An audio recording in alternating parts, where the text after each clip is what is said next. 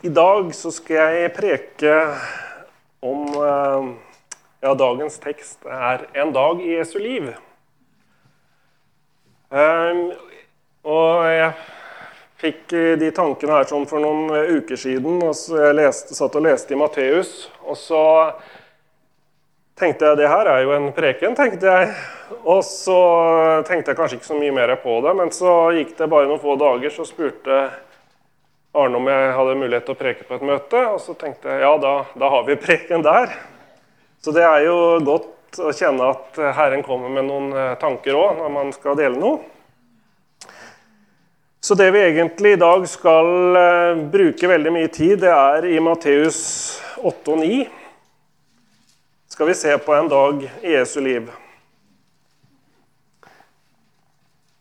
Og så er det sånn at det kan jo hende at det er noen som eh, Om det er noen teologer eller et eller annet som kan mene at kanskje ikke alt dette her skjedde på en dag. Men sånn som når jeg leser det her sånn, sånn som jeg leser det, så ser det ut som alt dette her skjer i løpet av én dag. I hvert fall fra vers 23 eh, i kapittel 8 til vers 34 i kapittel 9. Og Derfor er også da teksten 'én dag i Jesu liv'. Så vi kan jo egentlig bare gå rett eh, inn i teksten i kapittel 8. Og så skal vi lese ifra vers Matteus 8, ifra vers 23. Han gikk om bord i båten, og disiplene hans fulgte ham. Og se, det blåste opp en kraftig storm på sjøen, slik at bølgene skyllet over båten men han lå og sov. Da kom disiplene hans og vekket han og sa, Herre, frels oss, vi går under. Og han sa til dem, Hvorfor er dere redde, dere lite troende? Da sto han opp og truet vinden og sjøen, og det ble en mektig stillhet. Da undret menneskene seg og sa, Hva slags mann er dette, siden til og med vinden og sjøen adlyder han. Dette er altså da på natta. natt til, da, altså De har vært et sted kvelden før, og så har de seilt gjennom natta. Vi kan også lese de samme, de samme historien fra Markus 4. Der får vi kanskje litt mer utfyllende her. Eh, Markus 4 og fra vers eh, 35.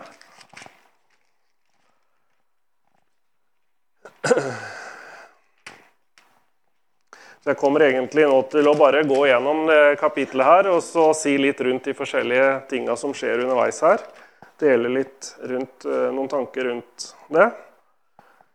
Eh, da står det i Markus 4 fra vers 35 så står det samme dag da det var blitt kveld, sier han til dem, la oss dra over til den andre siden. De forlot da folkemengden og tok han med seg båten slik han var, og de andre små båtene var med ham. Og det blåste opp til kraftig uvær, og bølgene slo inn i båten så den var i ferd med å fylles. Men han lå i akterstanden og sov, med hodet på en pute. De vekket han og sa til han, 'Mester, bryr du deg ikke om at vi går under?' Da sto han opp, truet vinden og sa til sjøen, 'Hold fred og vær stille.' Og vinden la seg, og det ble en mektig stillhet. Men han sa til dem, 'Hvorfor er dere så redde? Hvorfor har dere ikke tro?' Og de ble grepet av stor frykt og sa til hverandre, 'Hvem kan denne være, siden til og med vinden og sjøen adlyder han?' Vi ser jo det her i, vi ser det jo i Markus 4 der. Hva var det Jesus sa før de dro? Jo, han sa 'la oss dra over til den andre siden'. Det var det Jesus sa når de dro. Og så ser vi han da sier til dem når de vekker han opp, så sier, sier han til dem da 'Hvorfor er dere redde? Hvorfor har dere ikke tro?' Og jeg tror faktisk det fra Jesus' side var egentlig altså at det var et genuint spørsmål. Det var en undring fra Jesus' sin side. Han lurte på Han kunne ikke helt forstå hvorfor de ikke kunne tro, tror jeg. Sånn som eh, jeg eh, Fordi han, Jesus, som er Guds ord, han hadde jo talt. Så for fra hans side så var jo dette her helt selvklart. Ordet har talt, så da skal vi over på den andre siden. Eh, og Derfor så tror jeg at Jesus da undra seg over at de ikke kunne tro det ordet som han hadde talt. Og vi ser jo det da svaret i Egentlig svaret får vi i vers 27 da, i Matteus 8 der. Så sier menneskene, da, altså de som var med, disiplene inkludert, da, hva slags mann er dette, siden til og med vinden og sjøen adlyder han? Altså, De hadde ikke forstått ennå hvem Jesus var. For de kobla ikke troen sin til det Jesus hadde sagt. Fordi de tok ikke imot det Jesus sa, som et Guds ord. Og det tenker jeg da er det for oss er det lærdommen ut ifra de versene vi har lest her, sånn at vi må gjenkjenne når Herren taler. Og så må vi sette vår lit til det når han taler, og så må vi handle på Guds ord. Det er en viktig lærdom vi kan ta med oss ut ifra de versene vi har lest her. sånn. Fordi når Jesus sier vi skal over, så kommer vi over. Selv om det kan bli litt blåst på veien, så, så kommer vi over. Så kan vi gå litt videre da, til eh, vers 28. Da har det vel blitt eh, morgen, tenker jeg. Så har de kommet til land da, på den andre siden. Så står det da da han hadde kommet til den andre siden, til Gergeneselandet, var det to demonbesatte menn som møtte ham. De kom ut fra gravene og var svært voldsomme, slik at ingen kunne gå forbi dem på veien. Og se, de ropte og sa, 'Hva har vi med deg å gjøre, Jesus, du Guds sønn? Er det kommet hit for å pine oss før tiden?' Eh, et langt stykke fra dem var det en stor flokk griser som gikk og beitet. Så bønnfalt demonene han og sa, Hvis du driver oss ut, så la oss fare inn i griseflokken. Og han sa til dem, Far av sted. Eh, og da de var kommet ut, for de inn i griseflokken, og se, hele griseflokken sprang i stor fart nedover et bratt stup og ut i sjøen, og de døde i vannet. Da da flyktet de som hadde passet dem, og de gikk inn i byen og fortalte alt, også det som var skjedd med de demonbesatte. Og se, hele byen kom ut for å møte Jesus, og da de så han, ba de han om å dra bort fra deres områder. Så Det er jo litt å si rundt det vi leser her òg. For første nå så kommer de Eh, i land der, da. Og vi ser at Jesus blir møtt av to demonbesatte. Et annet sted så står det vel bare om én av dem. og hvordan Han hadde jo vært bindt i lenker og alt mulig. Det var ingenting som kunne holde ham. Han var helt ustyrlig. Og det er sånn da at når Jesus kommer, samme hvor han kommer, så er det sånn at den onde da vil han gjerne eh, manifestere seg på et eller annet vis.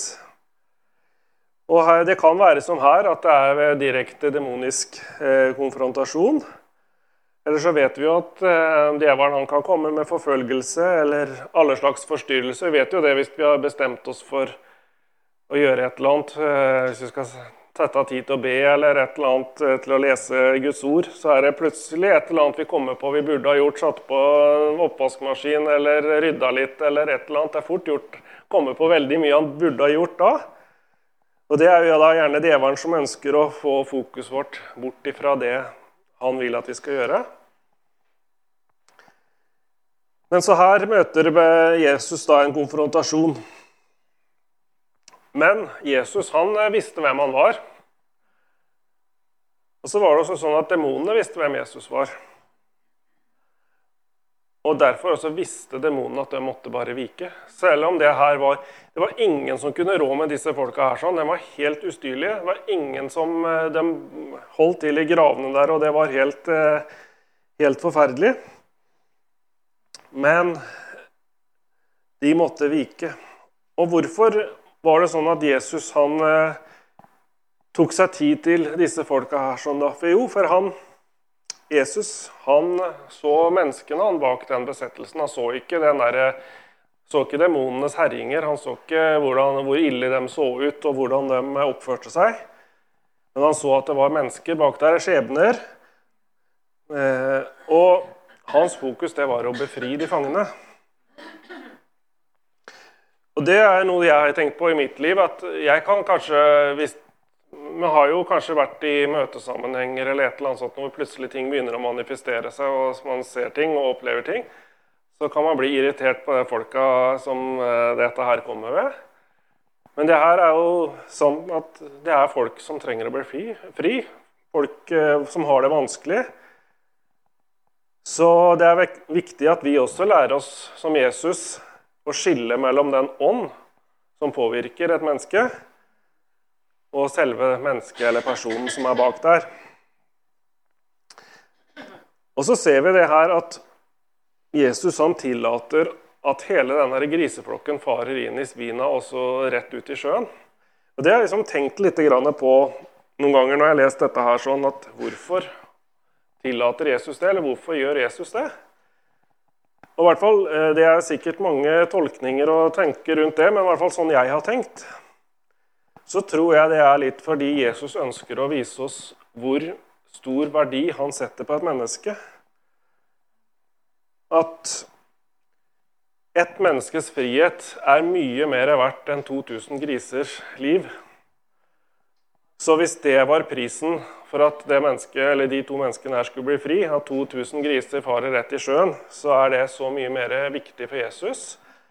Sånn at han eh, eh, setter Og det, det tenker jeg også er noe eh, for oss å ta til oss òg, at det er et menneskeliv i Guds øyne det er så ekstremt verdifullt. Og han ønsker virkelig at et menneske alle mennesker skal få oppleve frihet. Og så har, så har dette her skjedd. da. Jesus han har eh, eh, satt de fri. Du kan tenke deg de to her som er takknemlige. Som har levd et eh, fullstendig bundet liv, og som har eh, ikke hatt kontroll over seg sjøl i det hele tatt. Men så kommer Jesus og setter dem fri, og de kommer til sans og samling. De blir seg sjøl igjen. Og, så de er helt sikkert evig takknemlige for det. Men så ser du at de som passa grisene, da, de får, løper jo inn i byen og forteller om dette her. sånn da. Og så blir det sånn at Eh, hele byen kommer ut for å møte Jesus. Altså ikke, det er ikke for å takke Jesus eller for å be han om å komme inn i byen. Men de sier at de ba om å dra bort fra områdene deres. Og det kan jo virke veldig rart da, når Jesus gjør noe så fantastisk og herlig. Og hvorfor er det sånn at de gjorde dette her, da? Var det sånn at de var redde, kanskje? Eller var det kanskje sånn at de ennå ikke var rede til å la Jesus få virke. De ønska kanskje ikke en endring i sine egne liv. De så det at eh, når Jesus kommer, så blir det forandring. Da, da blir det noe som skjer. Og Det er også, tror jeg er ofte et eh, hinder for at Gud skal få virke. Det er at menneskene de ønsker ikke endring. De ønsker å leve i det sånn som de har levd. Men det skjønner at når Jesus får virkelig komme til, da blir det forandring, og da blir det endring. Amen. Så fortsetter Jesus, da. Han, eh, da er det bare fortsatt tidlig på morgenen. Og Så i og med at de her ikke ville ha noe med Jesus å gjøre, da, så respekterer Jesus det. Så Jesus trenger seg ikke på noen. Men det står det i, fra kapittel 9 da, i Matteus, så står det i vers 1. Deretter gikk han om bord i båten, satte over og kom til sin egen by. Se, da førte de til han en lam mann som lå på en seng. Da Jesus så deres tro, sa han til den lamme:" Barn, vær frimodig, dine synder er deg tilgitt. Og se, noen av de skriftlærde sa seg imellom, denne mannen spotter Gud. Men Jesus kjente tankene deres og sa, hvorfor tenker dere ondt i deres hjerte? Hva er lettest å si, dine synder er deg tilgitt, eller stå opp og gå? Men for at dere skal vite at menneskesønnen har myndighet på jorden til å tilgi synder, Så sier han til den lamme, stå opp, ta sengen din og gå til ditt hus. Og han sto opp og gikk til sitt hus, og alt folket så dette, da alt folket så dette, undret de seg og æret Gud som hadde gitt slik makt til menneskene. Halleluja. Her ser vi at Jesus han møter en lam. Jesus han eh, Det var ikke sånn at han ble helt satt ut av at eh, han hadde blitt eh, sendt vekk fra et område. Han dro bare videre. Og Så kom han til hjembyen sin, da. Og så kommer det da noen mennesker bærende med en lam mann. Og så er jo det litt interessant, det som står her, da, at, Jesus, at det står her at da Jesus så deres tro Altså de som bar mannen sin tro. Det var faktisk ikke denne mannen her i det tilfellet her som var den troende. Det var de som var rundt, som sto og støtta han, som var med og som fysisk faktisk bærte han. De bærte han også i tro. De bærte han til Jesus, for de visste at eh, Jesus hadde makt til å helbrede. Så da sa Jesus, når han så deres tro, da sa han til den lamme Barn, vær frimodig, dine synder er deg tilgitt. Og det er jo også noe som da de religiøse eh, her eh, De reagerte veldig kraftig på dette her, da. At eh, Jesus sa 'dine synder er deg tilgitt'. Og jeg tenker litt sånn når jeg ser dette, at det er egentlig to ting Jesus viser oss her sånn. Og det er det at eh, Først og fremst da i frelsen. For det er det som skjer når våre synder blir tilgitt. Da blir vi frelst. Der ligger eh, ligger først og fremst selvfølgelig tilgivelse for syndene, og der ligger en total gjenopprettelse. Og vi vet jo det at 2. Korinterbrev 5,17 det forklarer oss at den som blir frelst, han er en ny skapning. Altså en helt ny kreasjon, altså noe som aldri har eksistert før. Det er noe som har skapt nytt der og da. Eh, med et nytt liv, med nye muligheter og med helt nye rettigheter. Så Jesus viser oss at først og fremst i tilgivelsen så ligger gjenopprettelsen, frelsen. Men han viser oss også, eller viser det bokstavelig ved å reise denne månen opp, at i syndenes tilgivelse, altså i frelsen, så ligger legedom som en rettighet. Og Det ser vi jo i 1. Preter 2,24. Vi kan lese det for å få det helt riktig her. Det står i 1. Peters brev 2 vers 24. så står det Han som selv bar våre synder på sin kropp, på sin egen kropp, opp på treet, for at vi, døde fra syndene, skulle leve for rettferdigheten. Ved hans sår ble dere lekt. Så det er herlig. Og Jesus viser det også i praksis her, at i syndenes forlatelse, i frelsen, så ligger legedommen som en rettighet. Og det Jeg tror denne mannen her, sånn, når han kjente at han kunne ta imot tilgivelsen, så var også bare da åpna helbredelsen seg opp med en gang. For at da kjente at jeg er fri, jeg tilhører Herren, og da kan jeg eh, være frimodig, og jeg kan ta imot den gaven som han har å gi meg. Så det er for oss i dag, vet du, vi som allerede har tatt imot. For oss ligger legedommen som en rettighet.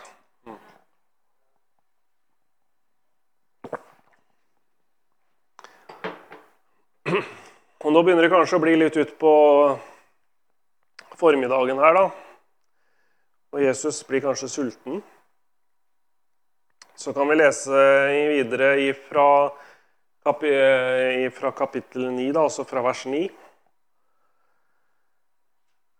Da Jesus gikk derfra, så han en mann som satt i tollboden. Han het Matteus. Og han sa til han, 'Følg meg.' Så sto han opp og fulgte han. Og Det skjedde mens Jesus satt til bords i huset. Og se, da kom mange tollere og syndere, og de satte seg sammen med han og disiplene hans. Og da fariseerne så det, sa de til disiplene hans, 'Hvorfor spiser deres mester sammen med tollere og syndere?' Men Jesus hørte det og sa til dem, 'De friske trenger ikke lege, bare de syke.' Gå og lær hva dette betyr. Miskunnhet er det jeg har behag i, og ikke offer. For jeg er ikke kommet for å kalle rettferdige, men syndere til omvendelse. Halleluja. Det var det som var Jesu oppdrag. Og det er det som er vårt oppdrag òg, at vi skal kalle syndere til omvendelse. Jesus han var jo bevisst på kallet sitt. Han visste hvorfor han var kommet. Og da var han heller ikke redd for å gå inn til tollere og syndere. Og så var han heller ikke redd for hva de religiøse ville tenke. For han eh, eh, Han var jo drevet av Guds kjærlighet. Så det var jo det som var drivkraften i alt det Jesus gjorde. Og da han så behovet, han så menneskene bak her sånn, og da når han så de menneskene at de trengte Gud, så gikk han inn til eh, Levi, da, og spiste der. Og da, da kom det jo masse andre tollere og syndere og satte seg ned. Og det var jo også sånn at Jesus han trengte ikke å bli lik disse tollerne og synderne. Han trengte ikke å bli som dem for å sette seg ned der og spise, spise med dem.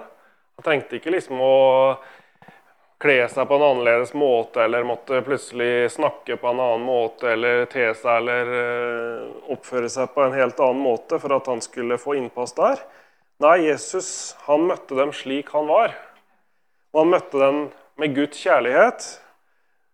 Det står 'miskunnhet er det jeg har behag i, ikke offer'. Og da var det sånn at når de her fikk møte Jesus da, som den han er, så ville jo også de ha tak i det Jesus hadde. Hvis Jesus hadde prøvd å bli mest mulig lik de tollerne og synderne, så tror jeg kanskje ikke det hadde vært så attraktivt å ville ha tak i det Jesus hadde, men de så at det var noe annet hos Jesus. De merka at de ble mett med kjærlighet og respekt og omsorg, men det var noe mer som lå bak der. Jesus hadde noe som var attraktivt, noe som de ville ha tak i. Og det fikk de tak i. Så eh, Jesus Det var viktig for han å gå inn og ta tid med disse menneskene her sånn. For som han sier, det er ikke de friske som trenger lege, bare de syke. Så da var han heller ikke så veldig opptatt som sagt, av disse fariseerne, hva de ville tenke om dette her sånn. For det er jo noen, sånn, eh, noen ganger at vi kanskje kan tenke eh, sånn at ja, men hvis jeg blir sett sammen med han der, tenk hvis det mm, kommer noen kristne brødre eller søstre da, og så ser jeg står og prater med han typen der, f.eks. Nei, det er ikke sånn vi skal tenke. Vi skal tenke at eh, vi har noe å gi, og da skal vi gi det samme, samme om den, den personen er sånn eller sånn. Vi skal gi det Herren har gitt oss. Men eh, da fikk jo Jesus fikk seg jo et eh, lunsjmåltid her hos eh, Matteus eller Levi, da. Og så fortsetter Jesus fra vers 14. Deretter kom Johannes' disipler til han og sa, 'Hvorfor faster vi og fariseerne så ofte, men disiplene dine faster ikke?' Og Jesus sa til dem, kan brudgommens venner sørge så lenge brudgommen er hos dem? Men dager kommer da de skal komme da brudgommen vil bli tatt fra dem, og da skal de faste. Og så Spesielt da vers 16 og 17 skal vi se litt på her. Ingen setter et stykke nytt, utkrympet tøy på et gammelt klesplagg. For tøylappen vil rive i stykker plagget, og riften blir bare verre. En fyller heller ikke ny vin i gamle skinnsekker. Ellers vil eh, Ellers vil skinnsekkene sprekke, og vinen blir sølt bort. Og skinnsekkene blir ødelagt, men den fyller ny vin i nye skinnsekker, slik at begge deler blir bevart. Jeg husker at eh, da jeg var liten og gikk på søndagsskolen, og sånn, så var dette her noen sånne vers eh, vi leste. og Jeg som tenkte litt på dette her med nye og gamle skinnsekker. og Jeg skjønte egentlig ikke hva dette her betydde. Men eh, i litt senere tid da, så har jeg jo skjønt litt mer hva, det, hva Jesus snakker om her. og Egentlig I min bibel, som er en sånn studiebibel, så står det en sånn kommentar til de to eh, versene her sånn, som jeg syns er litt fin. Og Der står det det at eh, jødedommens gamle former kunne ikke romme evangeliets åndelige friskhet. Nåde kan ikke sys fast på eller helles inn i et lovisk system. Heller enn å lappe sammen et utslitt og foreldet system, tilbyr Jesus et nytt liv, skjenket ved troen på Han. Amen. Det syns jeg var veldig fint eh, beskrevet. Så det er faktisk da som vi vet at det er bare ved å bli født på ny vi kan få del i Guds liv. Og Johannes sier jo det i eh, kapittel 4 og 23 og 24 ja, vi kan lese dem eh, versa, kanskje. Det er jo kjente vers, men uh, Han sier noe der at Men den time er kommet, og er nå, da de sanne tilbedere skal tilbe Faderen i ånd og i sannhet, for Faderen søker dem som tilber Han slik. Gud er ånd, og de som tilber Han, må tilbe i ånd og sannhet. Så eh,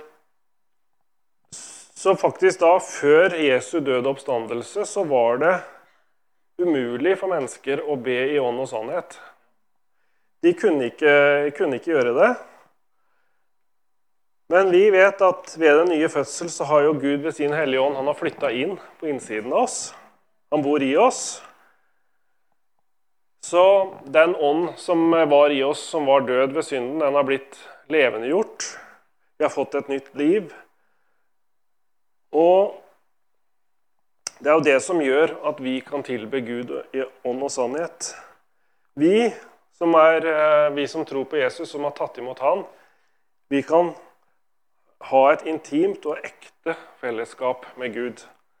Vi trenger ikke å frykte å komme fram for Gud. Vi har eh, rett og lov, og Gud ønsker at vi skal komme fram for ham. For han, han sier at de som tilber han må tilby ånd og sannhet, og at han ønsker Det er slike tilbedere han ønsker. Han ønsker noen å ha samfunn med. Så vi, da, som eh, Jesus underviser litt om, Det er jo noe som ligger litt fram i tid når Jesus forteller det her sånn. Eh, men vi da har blitt nye skinnsekker. Og derfor kan vi også fylles med ny vin. Vi kan fylles med Ånden. Så Herren han har gjort det mulig for oss til at vi tåler å ta imot den kraften. Hadde vi levd i vårt gamle liv, så hadde ikke vi tålt, vi hadde ikke kunnet holdt på den kraften. Det hadde bare revna alt sammen. Men når vi har fått et nytt liv, en ny skinnsekk, så kan vi fylles med den kraften og det livet som Gud har å gi oss. Så det er herlig å tenke på. Fantastisk at vi får lov til å leve et liv hvor vi kan få lov til å prise Gud, at vi kan få lov til å tilbe Han i åndens sannhet, at vi kan få lov til å komme fram for Han når vi vil. Og Han hører oss når vi ber. Det er herlig.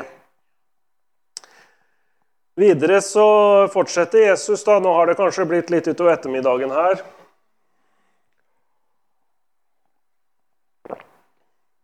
leser vi fra vers 18.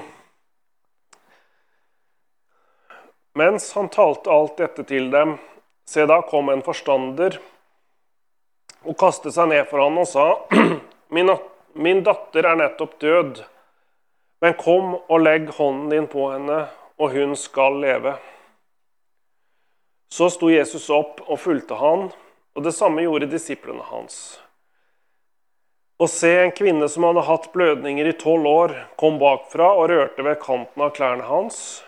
For hun sa ved seg selv, hvis jeg bare kan få røre ved klærne hans, så skal jeg bli helbredet. Men Jesus snudde seg, og da han så henne, sa han, Vær frimodig, datter, din tro har frelst deg. Og kvinnen ble frisk fra samme stund. Da Jesus kom til forstanderens hus og så fløytespillerne og den støyende mengden, så sa han til dem, gjør plass, for piken er ikke død, men hun sover. Og de bare lo av han. Men da folkemengden var sendt utenfor, gikk han inn og tok henne ved hånden, og piken sto opp. Og nyheten om dette spredde seg utover i hele området. Eh, vi ser her da at han Jairus, som han heter, synagogeforstanderen her, i vers 18 han bekjenner sin tro ved at han sier til Jesus Men kom og legg hånden din på henne, og hun skal leve. Han har en bekjennelse av sin tro. Han har opplevd, han har forstått hvem Jesus er. og Derfor kan han si dette her sånn, fordi han eh, setter sin tro til Jesus. Og det er jo litt interessant å se da at så sto Jesus opp og fulgte han. Når eh, den trosbekjennelsen kom, da sto Jesus opp og fulgte ham. Og Det samme gjorde disiplene hans. Og Så eh, syns jeg dette her er litt morsomt, da, eller uh, interessant. Men uh, vi er jo sånn at vi gjerne kan begrense Gud. Det er vi flinke til uh, ofte. Og her er da, har Jesus reist seg opp, og så er han på vei til å helbrede eller reise opp dattera til Jairus her, da. Og da ville kanskje vi tenkt at ja, nå er Jesus opptatt, nå skal han uh, dit for å vekke opp henne, så nå må vi ikke forstyrre Jesus. Nå, vi, nå er det det som skal skje. Nå må mine behov vente. Nå har ikke Jesus anledning til uh, å gjøre noe annet. Men det hindrer ikke Guds kraft i å virke på veien. Og vi ser at eh, denne kvinnen her, da Hun handla jo på, egentlig på det som Markus 11.23 sier. At den som tror at det han sier, skal skje, han skal få det som han sier. Så hun eh, hadde jo også hørt om Jesus, hun hadde forstått hvem Jesus var. Og da skjønte hun at bare jeg får komme i kontakt med Jesus, så kommer det til å skje et mirakel. Så hun trenger seg jo på å få rørt ved, ved kappa hans. Og Jesus han merker jo dette her sånn. Og så snur han seg og sier til henne da Vær frimodig, datter. Din tro har frelst deg. Og kvinnen ble frisk fra samme stund. Så eh, Jesus hadde tid. Selv om han var på vei et annet sted, så hadde han tid. Og han eh, det var ikke noe mindre kraft til stede, selv om uh, han skulle gjøre noe stort et annet sted senere. Så var kraften like Det er ikke sånn at uh, Jesus på en måte må lades opp igjen. Altså at, uh, at han går tom for kraft, og så Ja, nei, nå må vi vente litt, Jesus, til du er klar igjen. Er Jesus, Guds kraft, er alltid til stede. Den er alltid virksom. Så og Det forsto denne kvinnen her sånn. Hun var jo i en desperat situasjon, hadde hatt blødninger i tolv år. Men eh, når eh, Jesus kom forbi, så strakk hun seg ut og tok tak i Jesus, og hun opplevde et mirakel der og da. Og det er en, eh, Vi ser jo det her at i de, egentlig begge de tilfellene her da, med Jairus og denne kvinnen her, sånn, så er det jo deres tro som gjør miraklene mulig. Og når vi eh, snakker om eh, tro, da, så er det et sitat som jeg syns er veldig fint, som jeg har tatt i meg eh, og tenkt på en del i det siste. Det er noe som eh, en som heter Jerry Savell sier om tro. da. Hva tro er for noe? Tro, det er ganske enkelt en dyp overbevisning om at det er umulig for Gud å lyve. Så det er egentlig så enkelt. Tro Det er bare å stole på Herren. Det er å stole på at når Herren har sagt noe, så blir det sånn. Så lenge vi kan stole på det, være trygg på at når Gud har sagt noe Men Gud ljuger ikke. Så når Gud har sagt noe, så blir det sånn. Og hvis vi kan hvile i det og stole på det, så handler vi i tro. Fordi tro er å gjøre som Guds ord sier, eller handle som om det er sant. Og Vi ser det da i vers 24, eh, som jeg syns er også litt eh, fint og interessant, at eh, Jesus sier noe der at så sa han til dem, gjør plass, for piken er ikke død, men hun sover.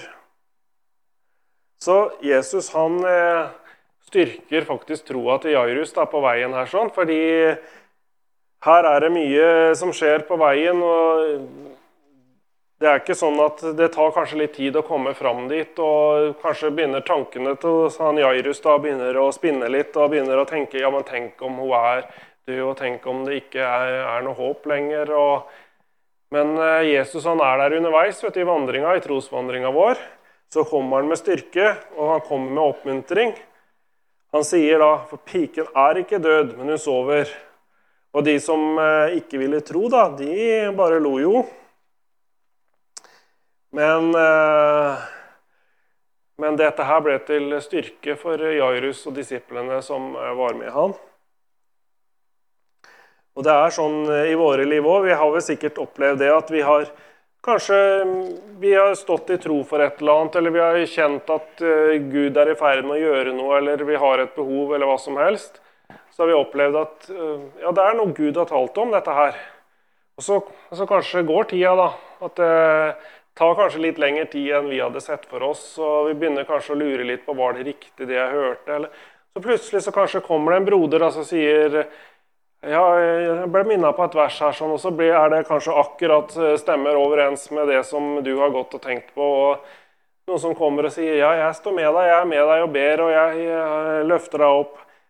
Og Det er sånn Herren virker. Han eh, kommer med oppmuntring på veien, sånn at vi, kan, eh, ikke, at vi ikke slipper tak i det som Gud har sagt, men at vi tar imot det og står fast på det. Så ser vi jo da eh, til slutt her da, at Jesus, han, når han går inn i huset, så tar han også og rydder vekk den vantro. For De trenger ikke, har ikke noe plass der når Jesus kommer. Da må de vekk. De, som, altså de vantro det er de som ikke vil tro. Altså det er de som uh, har bestemt seg for at dette her Det er de som står og ler og, uh, og tøyser. De, eh, de, må bare vekk. Så tar han med seg Jairus, da, også noen av disiplene, og så går de inn. Og så reiser han jenta opp.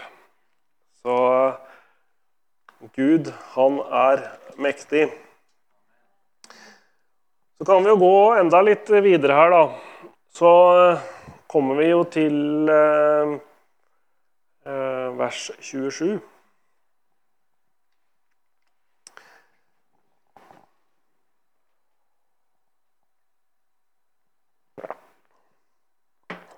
Det er jo egentlig, det skjer jo tydeligvis rett etter at dette her har skjedd. For det står at da Jesus gikk derfra, var det to blinde menn som fulgte han. De ropte og sa, 'Davids sønn, miskunn deg over oss.'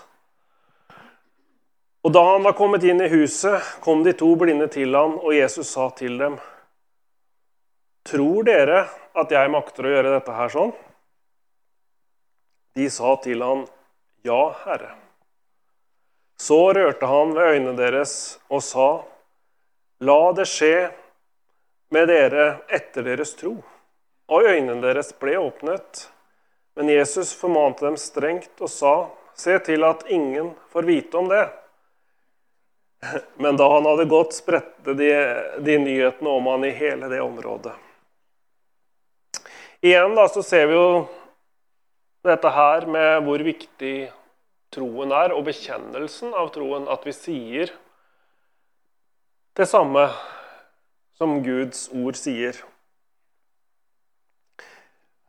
Så um, Jesus sier da Eller først da, så er det jo sånn at de to blinde følger etter Jesus.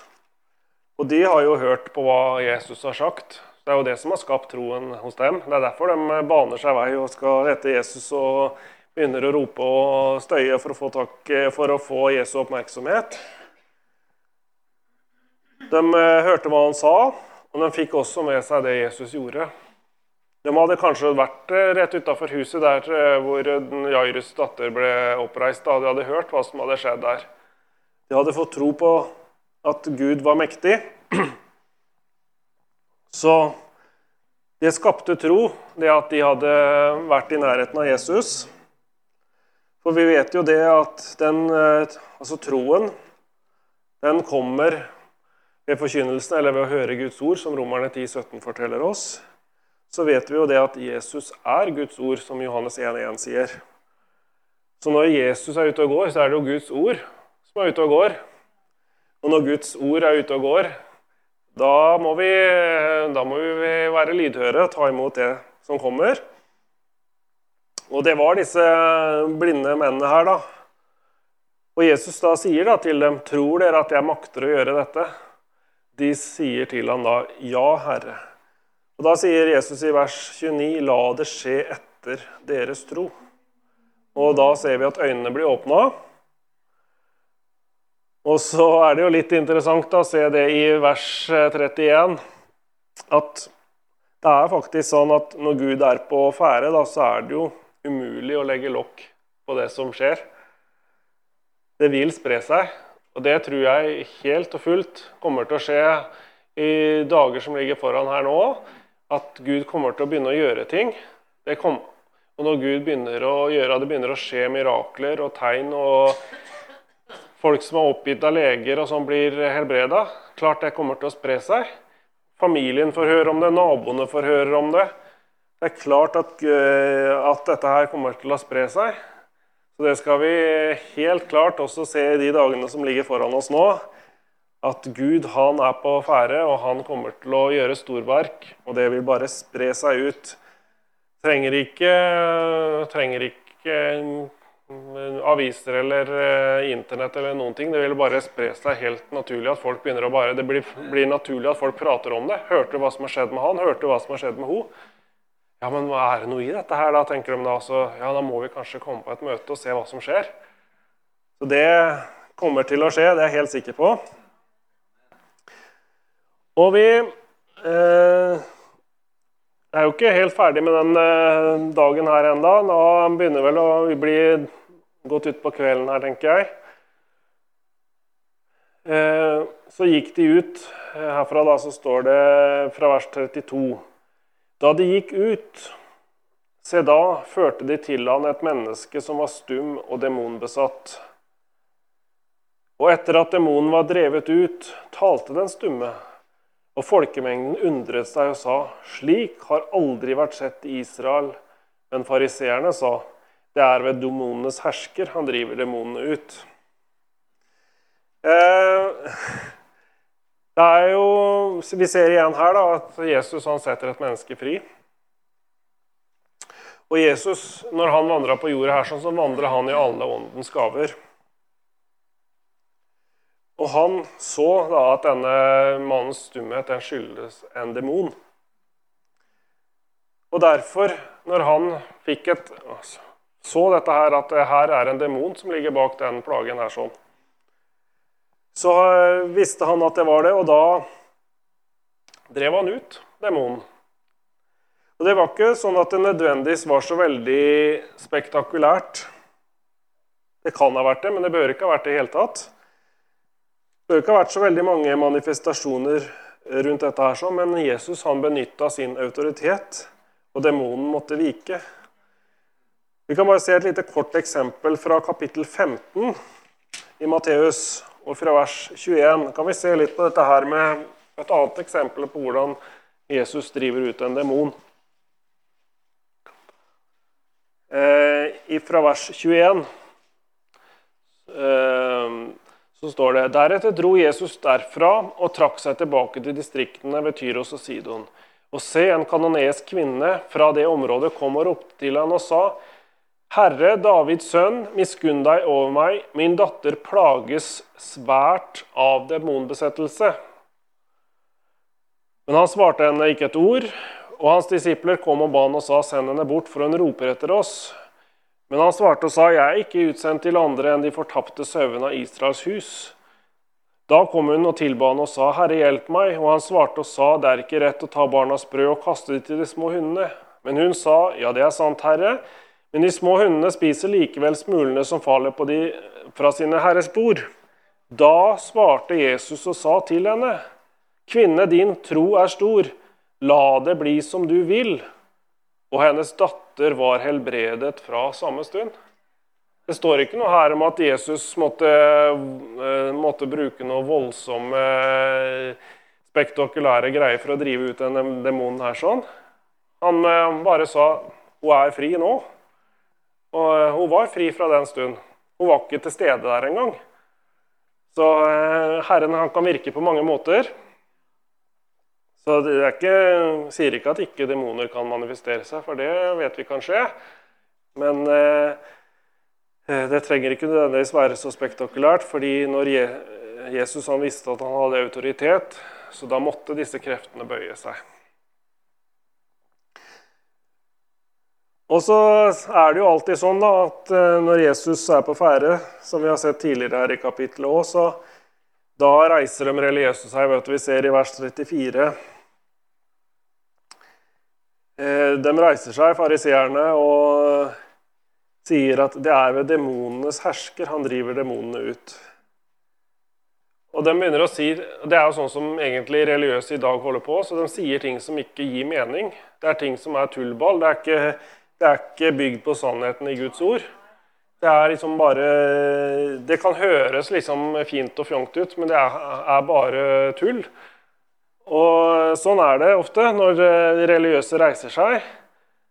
Men eh, Jesus han fulgte, fulgte, Guds ledelse, så han eh, lot ikke dette her eh, påvirke ham.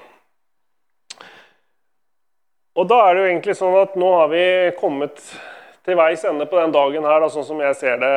Fordi hvis vi leser i vers 35, så står det Deretter dro Jesus omkring i alle byene og landsbyene. Han lærte i synagogene deres, forkynte evangeliet om riket og helbredet alle slags sykdommer, alle slags sykdommer og alle slags skrøpeligheter blant folket. Så vi ser at Her fortsetter egentlig Jesus bare å reise rundt. og han gjør Det som han har gjort hele den dagen, her, sånn, det fortsatte han bare med eh, gjennom eh, å reise rundt. Og, og, det sier jo, det bekrefter jo også For man kan jo tenke at det her var da voldsomt mye på én dag. Også, men det bekrefter Johannes når han sier i slutten av Johannes evangelium hvis alt det Jesus gjorde og sa, skulle vært eh, oppskrevet, så kunne ikke all verdens bøker romme det som da måtte skrives. Så det er jo eh, sånn at eh, Herren, han, han Overalt hvor han gikk fram, så ble det mennesker ble satt fri, mennesker ble helbreda, mennesker ble hjulpet, mennesker ble løst. Vi kan jo se litt, da, bare oppsummere litt her hva, hva som skjedde da, i løpet av ett døgn her. Første så starter da på natt, natta at de er ute og reiser. Og Jesus han da får disiplene trygt igjennom stormen. Og det vil han gjøre med oss òg, vet du. Om vi skulle storme litt, så får han oss alltid trygt igjennom. For han har sagt vi skal over på den andre siden. Så han får disiplene trygt gjennom stormen. Han setter det demonbesatte fri. Han helbreder en lam. Han spiser med syndere og tollere for å bringe frelse. Og så forklarer han at den gamle pakt har fått sin ende. Og i den nye pakt så har vi hans liv i oss. Og så vekker han opp en død. Og ikke nok med det, men han har eh, tid til å helbrede en eh, annen på veien.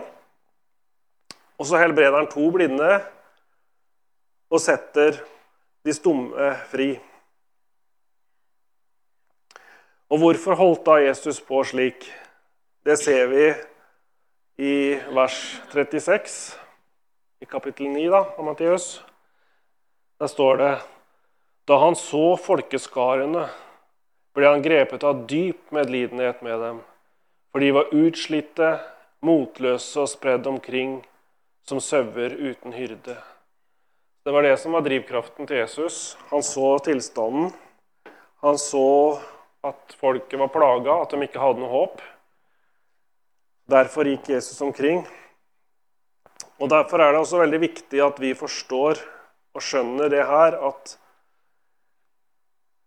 Eh, hvis vi lurer på hvem Gud er, hva Guds vilje er, hvordan Gud er, om Gud er bare god osv., da er det egentlig bare å lese disse Bare så enkelt som å lese det lille jeg, kapitlet som jeg har lest her i dag. Så forstår vi Da viser Jesus Guds vilje, han viser Guds hjerte. Det her er det som Gud ønsker. Det, det, her er, det her er det som er Guds hjerte. Det er å sette de fangene fri, helbrede syke og reise opp de som er nedbrutt. Så da trenger vi ikke, hvis man da som kristen skulle stille seg spørsmål ved om Gud bare er god osv., da hvis vi tar oss tid til å lese litt i Hans ord, så forstår vi det at Gud er bare god og at han er opptatt av å reise opp de nedbrutte. Og da Helt til slutt da, så kan vi jo lese i vers 37 og 38. Da sa han til disiplene sine.: Høsten er sannelig stor, men arbeiderne er få. Be derfor høstens herre å drive ut arbeidere til sin høst. Så her kommer kallet. Det kommer til oss. Hva hører vi, da? Lar vi oss drive ut til de samme gjerningene? Og da er det veldig godt å vite det at det er ikke basert på hva vi kan få til, men det er basert på villighet, at vi er villige til å gjøre det han ber oss om.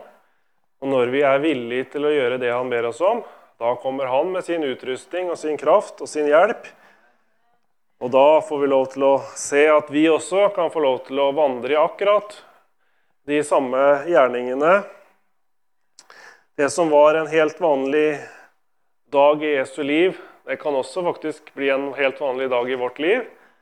Når vi er villige og lydige til å lytte inn det han ønsker å fortelle oss. Amen. Det var egentlig det jeg hadde å dele med dere her i kveld.